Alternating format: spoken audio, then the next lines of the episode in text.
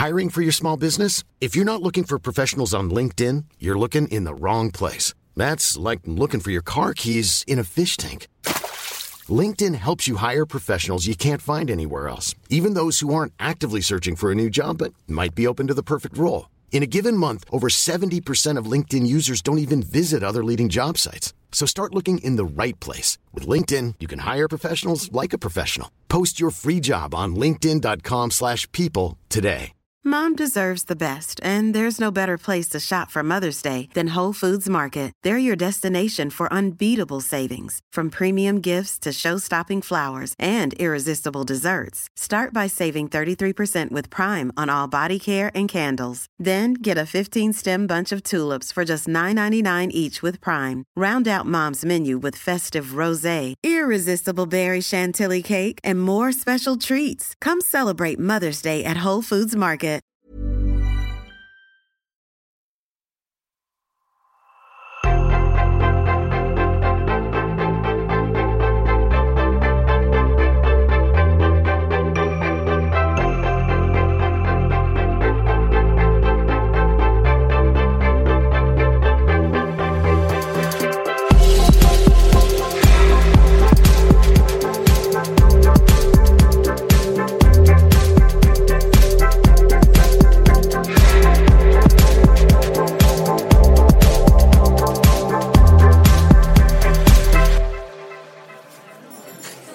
Judith, brukar du drabbas av digital panik?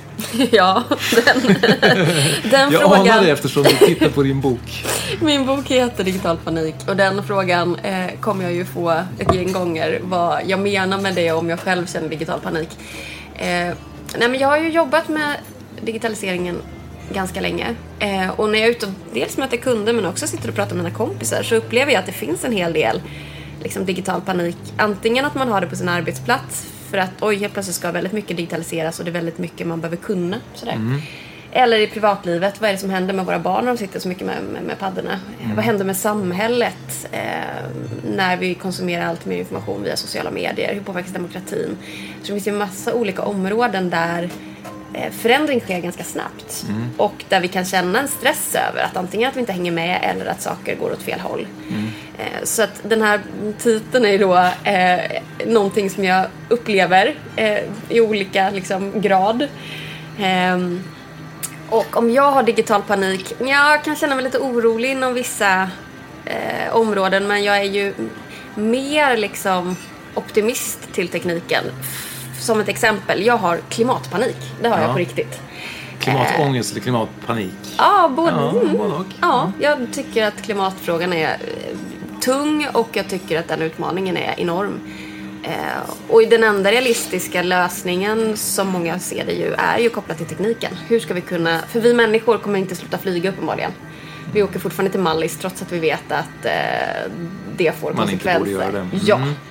Men tekniken är ju där vi hittar liksom faktiska lösningar där vi sku, skulle kunna. Så att tekniken i sig fantastisk, eh, digitaliseringen fantastisk men det händer väldigt fort och där hänger vi inte alltid med.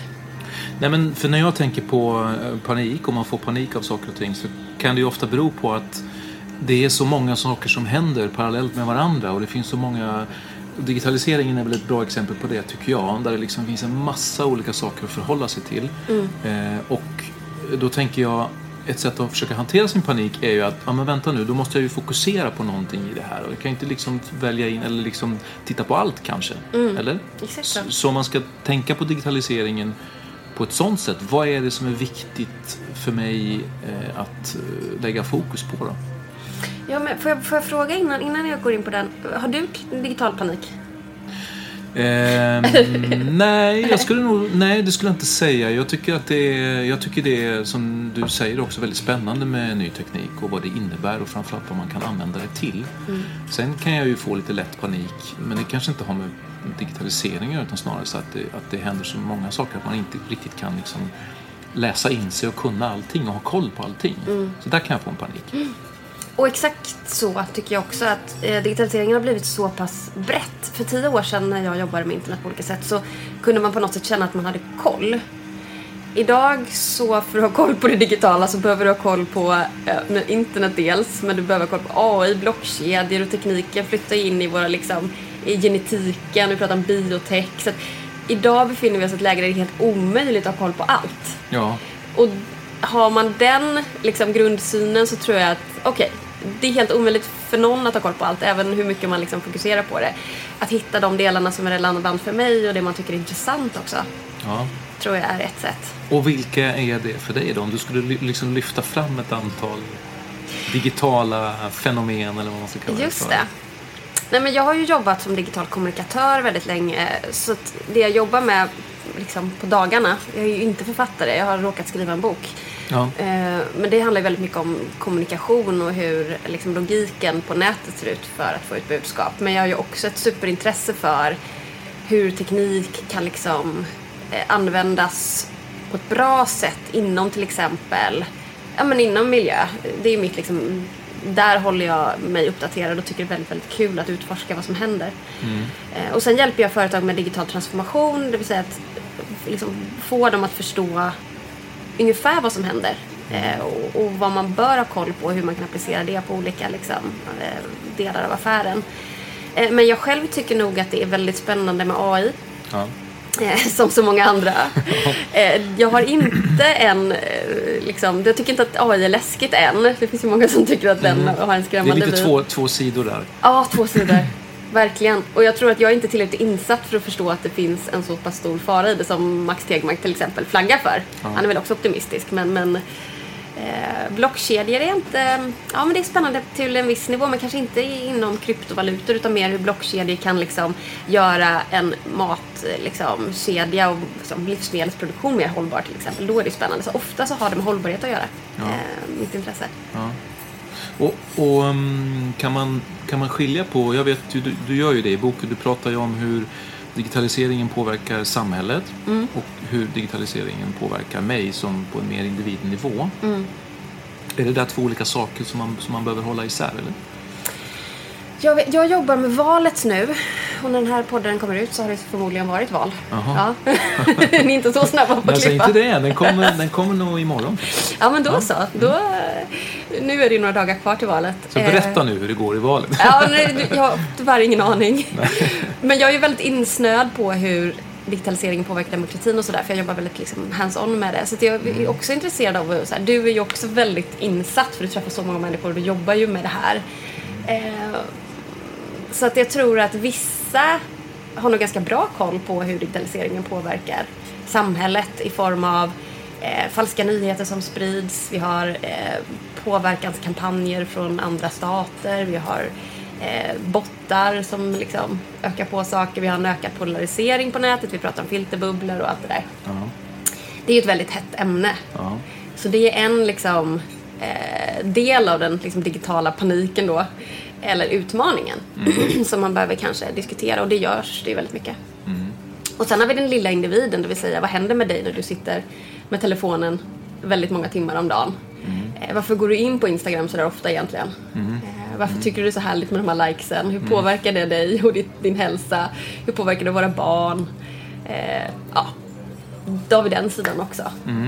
Och då blir ju nästa fråga då, eh, tänker jag. Men hur, hur ehm, om vi har alla dessa digitala ehm, fenomen eller trender eller begrepp och utvecklingar. Hur ska man förhålla sig till det då? Som, eh, som, eh, kan, man, kan, man, kan, man, kan man förhålla sig till det på en slags samhällsnivå och kan man förhålla sig till det på en slags individnivå? Ja, jag tror att den eh, oron kanske är lite olika. För att, eh, hur den påverkar oss som människor, den kryper mycket närmare in på på något vis. Och många upplever att de känner en liksom, oro just för sina kids. Nu är dina barn lite större. Eh, men jag Men oron är inte mindre för det. Nej. tänka mig. Snarare större. Nej, men Ja. nu ska vi inte prata om det. Nej, men jag har en sjuårig dotter och då är det fortfarande ganska lätt att kontrollera hennes eh, användning. Hon har ingen egen mobil utan vi styr ju, eller lätt att kontrollera. Så. Men så ser vi SF och techeliten som sätter sina barn på skärmfria skolor och sådär av en anledning därför att man ser att skärmen påverkar barn och i de mest formbara åren. Eh, man kan se att empatin har gått ner hos unga. Det är säkert inte bara på grund av skärmarna men man kan också, vissa hävdar då att det finns en korrelation däremellan. Att när vi inte träffar så mycket öga mot öga och liksom läser av varandras ansiktsuttryck och sådär. Att, att vi inte utvecklar den empatiska förmågan ordentligt. Eh, och nu har jag tappat helt vilken fråga vi var inne på.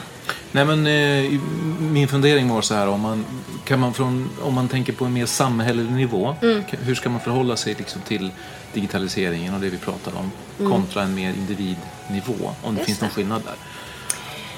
Nej, men jag tror att anledningen till att jag skrev boken det var att jag ville eh, hjälpa eh, läsaren att få lite koll på lite allt möjligt om kring digitalisering. Och vet man lite vilka konsekvenser som riskerar att liksom, följa med så tror jag att man kan själv ta en större kontroll. Så att, att kunskap är viktigt tror jag.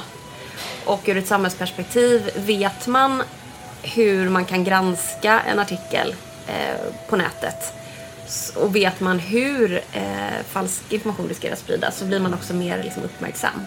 Vet man att då, eh, man riskerar att bli lite insnöad om man bara hänger på Facebook hela dagarna så kanske man också då eh, ta, aktivt tar till sig information från andra källor mer, tänker jag. Så om man ska vara, så här, om man ska vara lite basic då, då vad, är, vad är dina bästa tips eller dina bästa råd för att liksom förhålla sig till det digitala? Mm. Blir det väldigt konkret? Ja.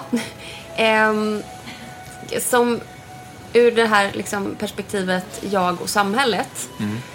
Att aktivt söka upp information via olika typer av informationskällor. Läsa en liksom, papperstidning blandat med att ta del av information via Twitter eller Facebook. Eh, blandat med att läsa Veckans Affärer på nätet. Eh, blandat med att lyssna på podcast. Då får man ju mer balanserad diet. Så. Ehm, och det är inte så att vi inte har haft en balans... Eller det, det, situationen är inte unik. Skillnaden nu är att vi har inga redaktörer eller utbildade journalister som sitter och väljer ut åt oss när vi konsumerar information på nätet. Eh, så där behöver vi kanske ta en lite mer aktiv roll själva. Behöver man, eh, behöver man till och med utmana sig själv och så här, tänka att nu ska jag mm, hitta några andra källor, hitta några andra medier att läsa som jag något sätt inte brukar Men konsumera? det tycker jag låter som en klok idé. Ja. Och kanske... mm, nej men jag gillar ju såna här intervjupodcasts för då får man ju ett och samma program, s- eller ett och samma serie, så får man ju massa olika perspektiv. Jag själv älskar såna här intervjupodcasts just för att få in både kunskapsperspektiv och andra sätt att se det och sådär. Så att, eh, ja. Du gör ett bra jobb i det där tycker jag Ulf. Tack. ja, vad tycker du? Du är ju Ja, journalist. eh, ja, men jag är journalist. Nej, men, ehm, ja, men för mig är ju de här äh, luncherna som jag äter varje dag och som den här, den här podden liksom bygger på är ju mitt sätt att hela tiden försöka utsätta mig för nya perspektiv. Eller jag gör ju det genom att jag träffar olika personer så försöker jag ju som sitter på olika kunskaper och kommer från olika håll och gör olika saker. Sen försöker jag ju medvetet se till att bredda min, min bubbla, min sociala bubbla genom att också träffa personer som, som inte liksom är i den närmsta kretsen om man säger så. Så det är, ju, det är ju mitt sätt att försöka så jag är ju så här otroligt analog eh, på det sättet att jag träffar människor som jag sitter och pratar med. Sen konsumerar jag ju digitala medier också förstås. Men eh, Men mötet tycker jag känns väldigt mycket framtid också. Jag tror att vi är på väg tillbaka till mötet. Eh, och kanske mm, vi är på väg där vi tar mer kontroll över tekniken och eh, hur vi liksom umgås på nätet. Men att där vi är tillbaka till liksom, återupptäcker nästan det fysiska samtalet. Så båda de två i kombination. Och jag vet, det är väldigt många som kör liksom, digital detox på olika sätt. Att sätta begränsningar för sig själva. S- Så här och så här mycket får jag gå in på de här kanalerna. Eller när jag jobbar så måste jag lägga telefonen liksom, i skrivbordslådan eller vad det är för någonting. brukar du, har du en sån liksom struktur för hur du förhåller dig på ett mer personligt plan till Ja. det digitala? Eh, innan har jag jobbat som entreprenör och drivit byrå och varit liksom, haft ganska, vad ska jag säga, eh, studsboll-liknande dagar. Eh, att jag har studsat in i något möte, suttit i någon leverans, eh, så. Inte haft det här fokuset av att fokusera stenhårt under en längre period. När jag skrev boken så märkte jag att jag hade ett otroligt behov av att sätta regler för mig själv. För helt plötsligt så blev telefonen mycket större distraktionsmoment. Jag tror också det beror på vilken typ av yrke man har. Eh, Så nu har jag det mycket mer. Jag jobbar i en liten metod som heter Pomodoro-metoden där jag jobbar jättefokuserat i en halvtimme. Sen får jag ta en paus. Men under den här halvtimmen då är det en sak i taget. Totalt fokus på det. Det är typ sen- en äggklocka under en halvtimme. Ja, precis. Mm. Exakt så.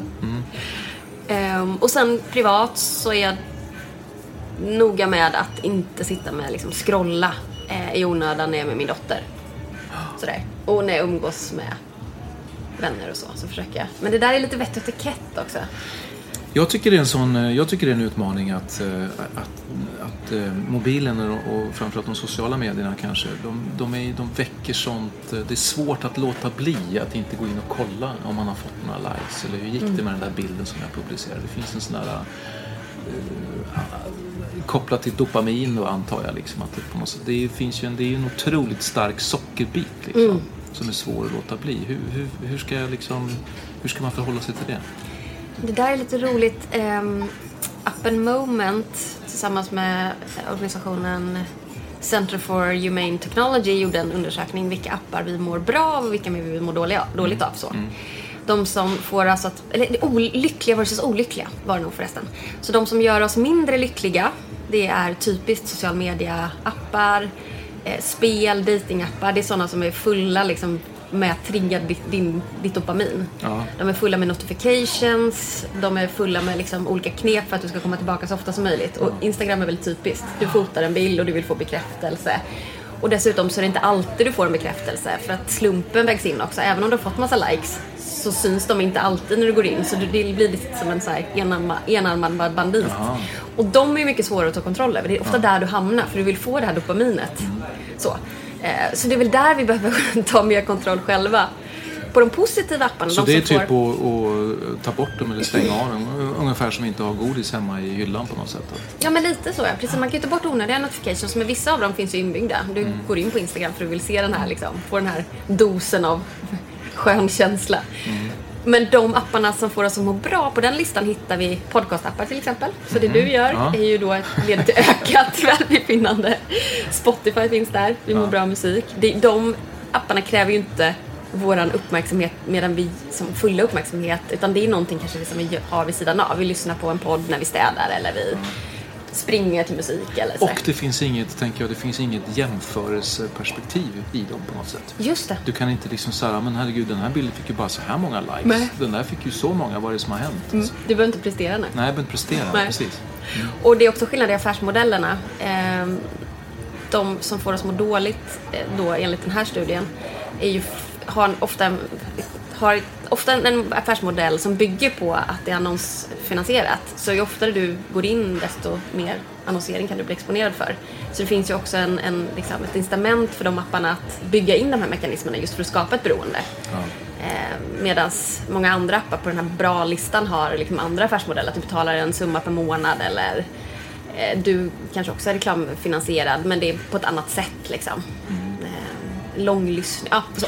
så det, den där att, att dra alla över en kam gör man ju definitivt inte. Det finns otroligt mycket appar och tjänster som får oss att må bra. Meditationsapparna hamnar högst på den här listan, ja. eh, till exempel. Ja. Och Google du... Calendar tror jag hamnar högt. Vilket ja. är intressant. Varför då? Jag vet inte. Vad tror du? Nej, men kanske för att man, eh, man får en känsla av att eh, eh, man har en struktur och det finns en planering Ja, men om, om nu den digitala paniken till stor del beror på att man känner att det är så övermäktigt och det finns så mycket saker att förhålla sig till. Mm. Så har du en kalender, i alla fall så är det så för mig kan jag känna. Då har man spaltat upp. Man ser tider, man ser platser som man ska vara på mm. under en viss tid. Så det finns en struktur i, ja. i, liksom, i livet. Och så kan man hoppa också att folk känner sig lite nöjda med sitt liv när de tittar på sin kalender. Det var en ganska bra vecka. Jag vet inte. Ja. Det kanske är så. Ja. vet du, jag börjar bli sugen på kaffe. Ja, det låter bra. Dricker du kaffe? Jag dricker en eller två koppar per dag. Ja. Så, äh, måttligt liksom. Okej, okay, vad känner du för nu då? Cappuccino, cappuccino. med enkel espresso tror jag. Mm. Okej, okay. ja, jag håller mig till cappuccino också. Ja, härligt.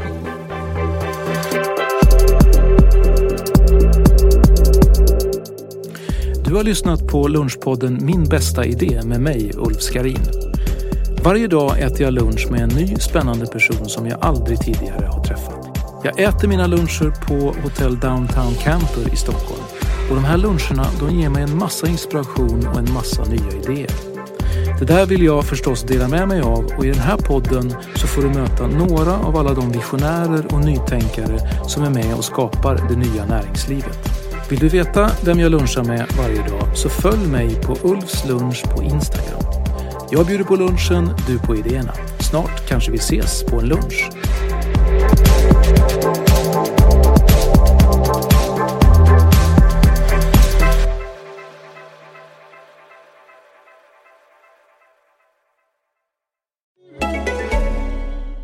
This is ACAST Recommends. Every week we pick one of our favorite shows, and this is one we think you're gonna love. Hey, lady, it's Terry here. And Dr. Dom, and we're the hosts of the Her Space podcast. In a world where Black women are often underrepresented and misunderstood, we need more safe spaces to just be. Every Friday, join us as we initiate authentic conversations for Black women. Be sure to tune into Season 4, Episode 11 The Four Levels of Friendship and How to Spot Fake Friends. And check out Her Space wherever you listen to podcasts. ACAST is home to the biggest podcasts from the US and around the world. Subscribe to this show and hundreds more now via ACAST or wherever you get your podcasts. Here's a cool fact a crocodile can't stick out its tongue. Another cool fact you can get short term health insurance for a month or just under a year in some states. United Healthcare short term insurance plans are designed for people who are between jobs, coming off their parents' plan, or turning a side hustle into a full time gig. Underwritten by Golden Rule Insurance Company, they offer flexible, budget friendly coverage with access to a nationwide network of doctors and hospitals. Get more cool facts about United Healthcare short term plans at uh1.com. Mom deserves the best, and there's no better place to shop for Mother's Day than Whole Foods Market. They're your destination for unbeatable savings, from premium gifts to show-stopping flowers and irresistible desserts. Start by saving 33% with Prime on all body care and candles. Then get a 15-stem bunch of tulips for just $9.99 each with Prime. Round out Mom's menu with festive rosé, irresistible berry chantilly cake, and more special treats. Come celebrate Mother's Day at Whole Foods Market.